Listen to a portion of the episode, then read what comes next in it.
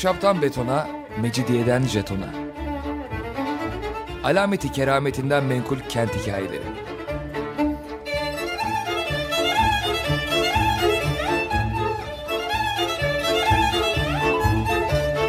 Hazırlayan ve sunan Pınar Erkan.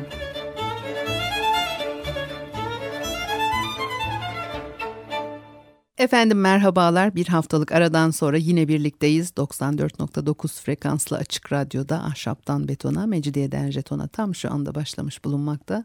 Anlatıcınız ben Pınar Erkan. Elektronik posta adresim pinarerkan.yahoo.co.uk Bakalım bugün programımızda ne var?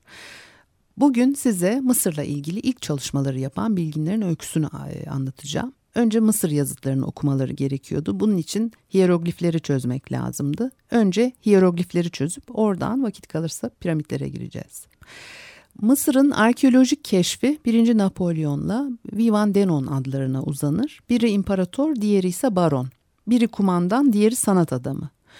Napolyon delice hasta bir beyinden doğma bir hayalin peşine düşecek. Dar bir odada bir aşağı bir yukarı yürüyor, kendisini Büyük İskender'le kıyaslıyor ve yapamadıklarının üzüntüsüyle şunları yazıyor.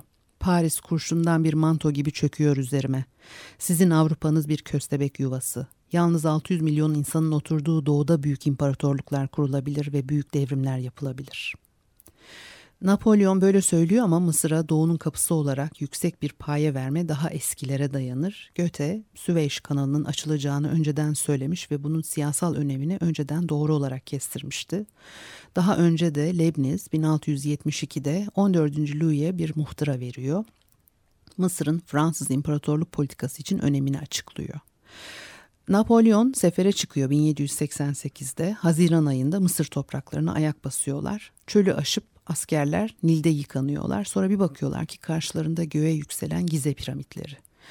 İslam henüz doğmadan önce ölmüş bir dünyanın tanıkları ve Napolyon piramitleri göstererek askerlerine diyor ki askerler 40-100 yıl piramitlerin üstünden size bakıyor.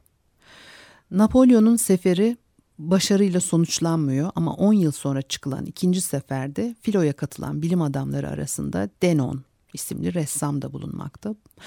E, bu adam aslında berbat bir adammış. Josephine'in gözüne girerek sefere katılma izini koparmış. Ancak Mısır topraklarına ayak basar basmaz çizmeye başlıyor ve sıcak kum demeden her gördüğünü resmediyor.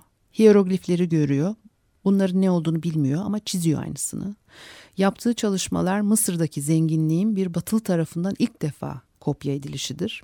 Sakarya'daki basamaklı piramidi, Dendera'daki Mısır'ın genç dönem e, geç dönem kalıntılarının resimlerini e, çıkarıyor. Ee, örneğin 3. Amenofis'in direklerle çevrili zarif küçük tapınağını çizer. Bu kusursuz resim yapıdan kalan tek anı çünkü tapınak 1822 yılında yıkılmıştır. Denon'un ülkesine dönerken beraberinde götürdüğü bu çizimler Egiptolojinin temelini atan esere dayanak oluşturmuştur. Egiptoloji eski Mısır bilimi e, demektir. Kahire'de Mısır Enstitüsü e, kuruluyor. Bilim ve sanat adamları Mısır yüzeyinde bulunan her şeyi ölçüp biçiyorlar. Yüzeyinde dedim çünkü üzerinde hiç çalışılmamış, açıkta yatan, bilinmeyenlerle dolu o kadar çok malzeme var ki küreye sarılmaya gerek yok. Bu arada savaşlar devam ediyor. İngiltere ile çekişme devam ediyor. 1801'de İskenderiye teslim oluyor ve Fransa Napolyon'un ele geçirdiği bütün e, Mısır eski eserlerini İngilizlere bırakmak zorunda kalıyor. Bunlar British Museum'a taşınmıştır biliyorsunuz. Bu adamlar kendi ülkelerinde fazla bir şey bulunmadığı için el alemin ülkesinin sanat eserlerini toparlayıp koca koca müzelerle e, sergiliyorlar. Bodrum'daki antik çağın yedi harikasından biri olan Mozelyon, Lord Stratford tarafından 1800'lerin ortasında e, yine British Museum'a e, götürüldü. Atina Parthenon tapınağının süsleri yine hemen aklıma gelenler. Partenon'un parçaları da Atina Osmanlı'nınken Lord Elgin tarafından 1800'lerin başında gitti. Adam üzerinde resim bulunan birkaç parça taşı götürmesine mani olmayınız yollu fermanla tam 200 sandık dolusu antik parçayı İngiltere'ye taşıyor. Öte yandan elimizdeki tarihi eserlere neler yaptığımızda meydanda olunca insanın İngilizlere iyi etmişler diyesi gelmiyor değil hani. Mısır eski. Özellikle 19. yüzyıla bakarsak o zamana dek bilinen bütün kültürlerden daha eski. Çok kıymetli Roma İmparatorluğundan da eski Piramitler çok önemli. E, dünyanın yedi harikasından geriye bugün piramitler kalmıştır. Yalnız bir teki 100 bini aşkın kölenin 20 yıl boyunca çektikleri 2,5 milyon taş bloktan e, oluşturulmuştur. Nasıl oluşturuldukları bugün de tam bilinmiyor. Piramitlerin kral mezarları olduğu yazılıdır kitaplarda ama işte iş bu kadar e, basit değil. Son yıllarda yapılan yeni çalışmaların ışığında son derece enteresan tezler öne sürülüyor. Elbette yeri açılacak basit bir delik yerine mezar diye 147 metre yüksekliğinde piramitler çıkılması sorular doğuruyor. Firavunlar mutlak hükümdarlar, yaşayan tanrılar olarak değerlendiriliyordu eski Mısır'da. Gene de piramitlerin yapım nedenine yeterli yanıt oluşturmuyor bu. İnşaatlarda ordular dolusu kölenin zorla çalıştırıldığı inancının da boş olduğu söylenir. Çünkü bu yolda bir kanıt bulunmadığı gibi piramitlerin yapısındaki ustalık kalitesi ortaya çıkarılan eserden gurur duyulduğunun e, kanıtı sayılmakta. Avrupalıların adam akıllı ilkel olduğu devirlerde Mısırlılar yüksek düzeyde uygardılar ve e, derin dinsel inançlara sahiptiler. Bu insanların piramitleri ölü firavunları yüceltmekten çok kendi dinsel inançlarını yüceltmek için yaptıkları yolunda göstergeler mevcut. Mısırlılar çok içine kapanık insanlarmış. Dinlerinin sırlarını az sayıda kişi biliyor ve piramitlerin yapımı e, bu az sayıda kişi tarafından yönetiliyor. Dolayısıyla amaçlarının ne olduğunu net olarak bilebilmemiz zorlaşıyor. Bazı piramitlerle ilgili esrarengizlikler var. Örneğin Gize'deki büyük piramit birkaç bin yıldan beri ayakta. İlk defa milattan sonra 820 yılına girilmiş içinde. İlk girenler bir grup Arap işçisi. Sert kireç taşının içinde haftalar boyunca tünel kazıyorlar. Karanlık, kasvetli bir koridora çıkıyorlar. Araştırmaların sonunda üç oda buluyorlar ama odalar bomboş. Sadece kral odası diye bilinen yerde kapaksız granit bir lahit e, buluyorlar. Eski Mısırlılar da piramitler konusunda suskunlar demiştim. Milattan önce 4. yüzyıla e, milattan sonra 7. yüzyıl arasında e, Yunanlılarla Romalılar Mısır işgal ediyorlar. Gene de anıtlara e, fazla bir ilgi göstermemişler. Tek bir kitap var bu dev yapılara değinen yanılmıyorsam e, 4. ila 7. yüzyıllar arasında yazılmış. Büyük piramidin keşfedilmemiş büyük sırlar taşıdığına inanılmış yüzyıllar boyunca gizli bir odanın olduğuna inanmışlar. Büyük piramidin e, öyküsünden önce başka öyküler var. Doktor Gall adlı bir e, bilgin kafatası konusunda çok şey biliyor. Kentten kente dolaşıyormuş bilgisini insanlara sunmak için. Kimi yerde çok beğeniyorlarmış kendisini, kimi yerde de kafasına kokmuş yumurta fırlatıyorlarmış. Günlerden bir gün Paris'teki bir toplantıda kendisine çocuk sayılacak yaşta bir üniversite öğrencisi tanıştırmışlar. Gall çocuğun kafasını, e, kafatasını bakışlarıyla ölçmüş hemen. Ve ah ne dil dehası diye bağırmış. Artık bu bağırma samimi miymiş yoksa şarlatanlık mı bilemiyoruz ama 16. 16 e, yaşındaki delikanlı e, o sırada Latince, Yunanca ve başka yarım düzine Doğu lisanı konuşabiliyormuş ve biliyormuş. Kimmiş bu çocuk? 1790 yılının ortalarında Fransa'nın bir yerinde kitapçı Jacques Champollion'un kötürüm karısına hekimler çare bulamıyorlar. Adam ne yapsın? O zamanlarda çok yadırganan bir durum değil. Gerçi bugün de fazla yadırgandığı söylenemez ya. Kötürüm karısının başına büyücü e, Jeko kadını çağırıyor. Büyücü hastayı ısıtılmış ilaçlar, otlar üzerine yatırmış, sıcak şaraplar içirmiş ve hemen iyileşecek kadın hamile meraklanmayın demiş. Ya Hekimlerin hatunu evirip çevirip bulamadığını büyücü karısı buluvermiş. Çok şaşırmışlar tabii. Büyücü başka şeyler de söylemiş. Doğacak çocuğun yüzyılları aşacak bir ün kazanacağını kehanet etmiş. Hakikaten dediği gibi olmuş. 1790 yılında Jean-François Champollion doğmuş. Sonradan hieroglifleri çözen adamdır bu. Yeni doğan bebeği muayene eden hekim bakıyor ki çocuğun göz akları sarı. Hani doğullara özgü bir özellik ya bu e, Orta Avrupalı bir bebek için teni de alışılmadık derecede esmermiş. Yüzünün çizgileri doğulu gibiymiş. 20 yıl sonra herkes ona Mısırlı diye seslenir olmuş. Bunlar kitaplarda amanın da ne esrarengiz şeyler başlığı altında aktarılıyor. Bu bilgileri aldığım kaynaklardan birinde bir büyücünün eli değen işlerde bunun belirtilerinin görülmesi şaşılacak bir şey değildir şeklinde bu durum açıklanıyor. Ee, bir ara verelim ondan sonra devam edelim.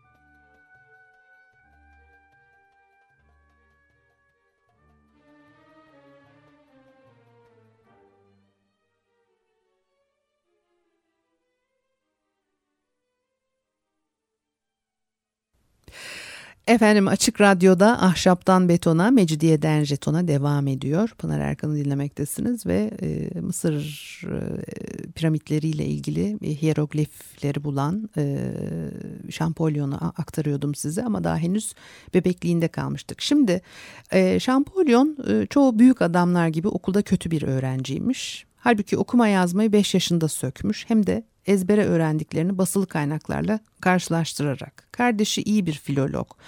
Ee, adam arkeolojiye de meraklıymış. Almış kardeşinin yanına eğitimini üstlenmiş. Çocuk hızla birçok lisan öğreniyor. Tesadüfen evine ziyarete gittiği bir bilim adamı ona Mısır koleksiyonunu göstermiş ve çocuk bunları ben bir gün okuyacağım bir büyüyeyim de demiş. Bunu nereden biliyoruz? Kendi sonradan sık sık anlatıyordu ondan. Tıpkı Şiliman gibi. Troya'yı bulan adımı hatırlıyor musunuz bilmem onu da bir programda anlatmıştım. Küçücükten babasına ben bu kenti bulacağım demeye başlamıştı. Dediğini de yapmıştı. Elbette dehaların hali farklı oluyor. Küçük François 12 yaşındayken Ünlü Köpeklerin Tarihi adlı bir kitap yazıyor. 17 yaşındayken 1807'de Mısır tarihi haritasının taslağını hazırlamış. Firavunlar Diyarı haritasının ilk taslağıdır bu. Bu yaşında bu çalışmalarıyla okuduğu e, saygın akademinin üyeliğine kabul ediliyor. Daha 13 yaşındayken Arapça, Süryanice, Keldanice ve sonra da Kopça e, öğrenmeye başlamış. Her ne öğrenirse Mısır'la ilgisi var. Bir ara Çince ile ilgilenmiş. Onu da eski Çin dilinin Mısır diliyle akrabalığını araştırmak için öğrenmiş. Kopça dili önemli çünkü 17. yüzyıla kadar Yukarı Mısır'da Kopça dili e, konuşulmakta. E, rozet taşı şimdi işin içine giriyor. Bu taşı e, asıl bulan bir asker artık nasıl bulduysa kazmasına çarptığında taşın değerini anlayabilecek durumda mıydı yoksa baştan aşağı gizemli işaretlerle dolu bir kara taşı görünce korkuyla çığlık mı attı bilemiyoruz. Kara bazalttan bir taş. Bu da British Museum'a gidiyor ama e, Fransızlar kopyasını çıkarmışlar. Şampolyon'un aklına e, koyuyor hieroglifleri çözmeyi. Taşı bir odada gördüğünde e, karar veriyor buna. E, rozet taşı kalenin yıkıntıları arasından çıkıyor Mısır'da. Bir masa e, genişliğinde bir yüzü perdahlı üzerinde üç kolon halinde üç yazıt var. Bunlar e, bir ölçüde hava etkisiyle bozulmuş 200 yıldır kumun altında kum tanelerinin e, sürtünmesiyle açılmış aşınmış. Üç kolon halinde dedim ya biri hieroglif ikincisi demotik üçüncüsü Yunanca.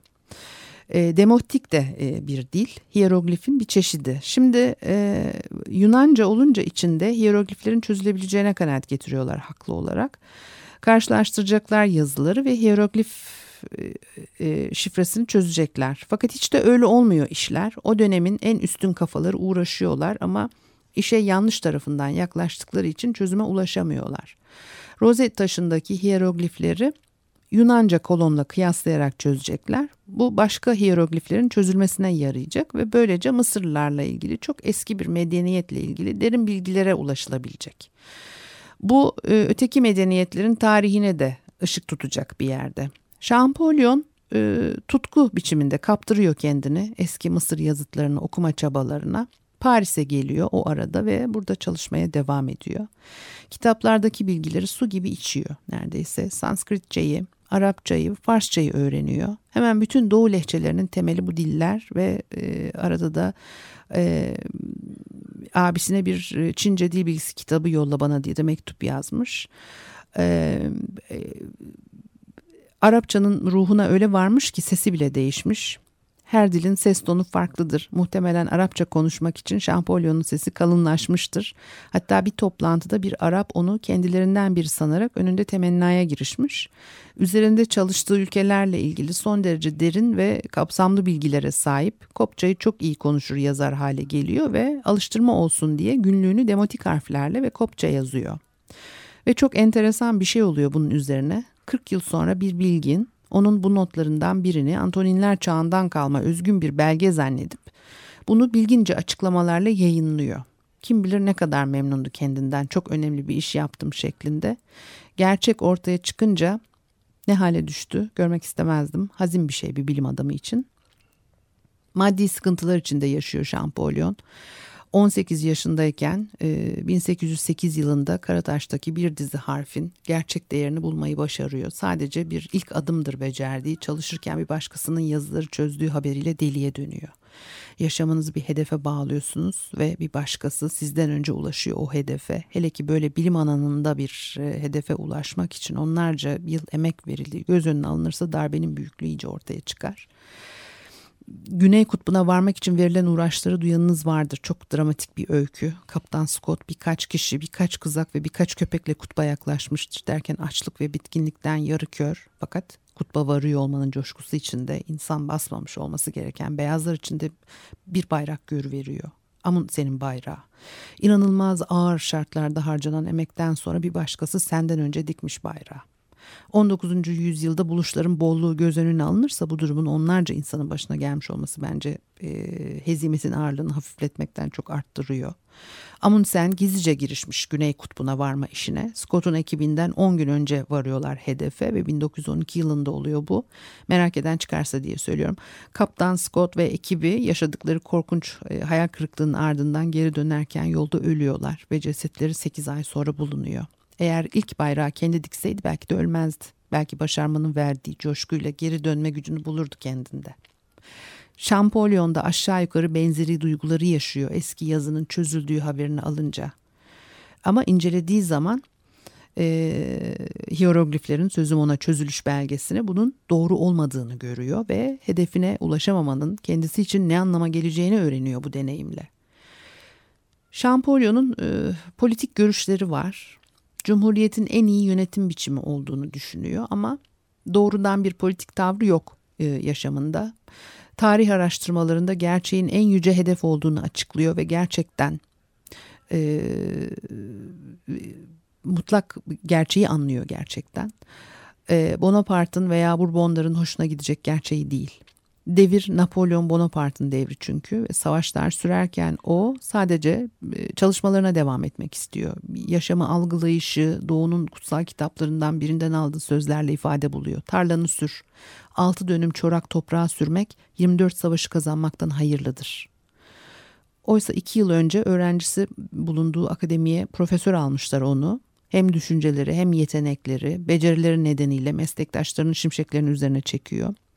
Politik görüşleri de eklenince buna çok zor zamanlar geçiriyor. Maaşını düşürüyorlar. Zaten ömrünün çoğunu böyle fakirlik içinde geçirmiş. Diyor ki benim kaderim belli. Diyojen gibi yoksulum.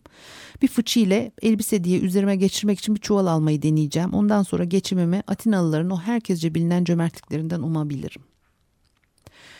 Sürgüne gönderiliyor Şampolyon. En sonunda 1821 yılında hieroglifin e, çözüm ülkelerinin veren yapıtını yayınlıyor. Yüzyıllardır uğraşıldığı halde ancak 1821 yılında e, Şampolyon çözüyor hieroglifleri. E, halbuki birçok çalışma yapılmış, ciltlerce kitap basılmış konuyla ilgili ama hepsi çürütülüyor. Bu çalışmalar sonucunda e, çeşitli açıklamalar yapılıyor. Örneğin biri hierogliflerle yaptığı çalışmalara dayanarak Çinlilerin Mısır göçmenleri olduğunu iddia etmiş. İngilizler de tam tersini savunarak Mısırların Çinlilerden geldiğini söylüyorlardı. Arada doğru çıkan bilgiler var ama yani e, tabii çok fazla da saçmalıklar var bunların arasında. E, hierogliflerin çözülememesinin nedeni bu konuda araştırma yapan herkesin yanlış yöne bakıyor olması. E, Horapolon diye bir adam milattan sonra 4. yüzyılda bunların anlamları üzerinde bir açıklama yapmış. Horapolon'a göre hierogliflerden her biri bir resim ve araştırmacılar başka bir alternatif düşünemedikleri için düşünseler bile bir sonuca ulaşamadıklarından bu fikre bağlı kalmışlardır. Oysa Champollion e, işaretlerin her birinin tam alfabe olmamakla birlikte fonetik harfler yani sesli işaretler olduğu düşüncesine e, varıyor. Ondan e, bir süre önce İngiliz bir araştırmacı işaretlerin sesli olabileceğini düşünüp birkaç harfi de seçebilmiş ama işin içinden çıkamayıp geri almış iddialarını. Oysa Champollion e, yılların getirdiği birikimle çok daha kapsamlı bakabiliyor verilere. Bulunan başka yazıtlarla yaptığı karşılaştırmalar sonucunda kral adlarından başlayarak e, yazıları çözüyor günümüzde üniversite öğrencileri çözülmesi böyle yüzyıllar süren e, hieroglif yazı dizgesini çok kolayca öğrenebilmekteler. Bu yazı dili zaman içinde e, nasıl bir evrim geçirmiş biliniyor ve Şampolyon devrinde bilginler göremiyorlardı tabii bugün açıkça anlaşılan e, pek çok şeyi başta henüz çözmeye çalıştıkları için. Ve bu saatten sonra bilginler bilgiye bilgi ekliyorlar ve mezarlardan, tapınaklardan, anıtlardan gelen yazılar çözülüyor. E, bu adam 36 yaşına kadar Mısır'ı görmemiş. Ömrünü Mısır'a vermiş. Mısır'la ilgili her şeyi biliyor ama gidip de görmemiş. Hele o zamanlarda köşeciklerinde çalışan bilginler için e, kuramlarını gerçek deneyimlere dökmek her zaman mümkün olamazdı tabii ama Şampolyon'un 1830'ların başlarında Mısır'a çok e, başarılı bir gezi yaptığını e, görüyoruz ve araştırmalarına devam ediyor. Mısır'ı ziyaretinden 3 yıl sonra da ölmüştür. Çok genç ölüyor adamcağız. Yaptığı çalışmalara uzun yıllar karşı çıkanlar, çürütmeye çalışanlar olmuş ama işte başaramamışlar. Ee, evet, şimdi artık e, burada e, bitirelim. E, başka e, arkeologlardan da bahsedecektim ama onları da başka bir programda anlatırız artık. E, en nihayetinde Mısır piramitlerinin, e, Mısır uygarlığının ilk e, araştırılma öyküleri bu şekilde başlıyor, devam ediyor. Ne kadar meşakkatli yollardan geçti o ilk bilim adamları. Bugün bizim artık hani e, çok sıradan bulduğumuz pek çok bilgiyi onlar e, müthiş bir bilinmezlik ve e, olanaksızlıklar içerisinde e, ömür yani hayatları yaşamları pahasına e, böyle çalışmalarla ortaya bulup çıkardılar. Bu haftalık da bu kadarmış. Elektronik posta adresimi söyleyeyim size. pinarerkan.yahoo.co.uk Haftaya görüşmek üzere. Hoşçakalın.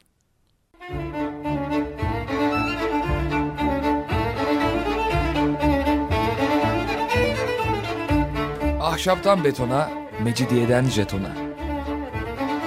Alameti kerametinden menkul kent hikayeleri.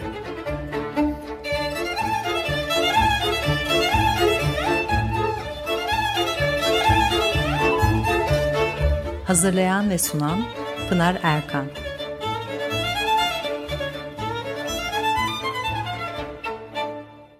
Açık Radyo program destekçisi olun Bir veya daha fazla programa destek olmak için 212 alan koduyla 343 41 41.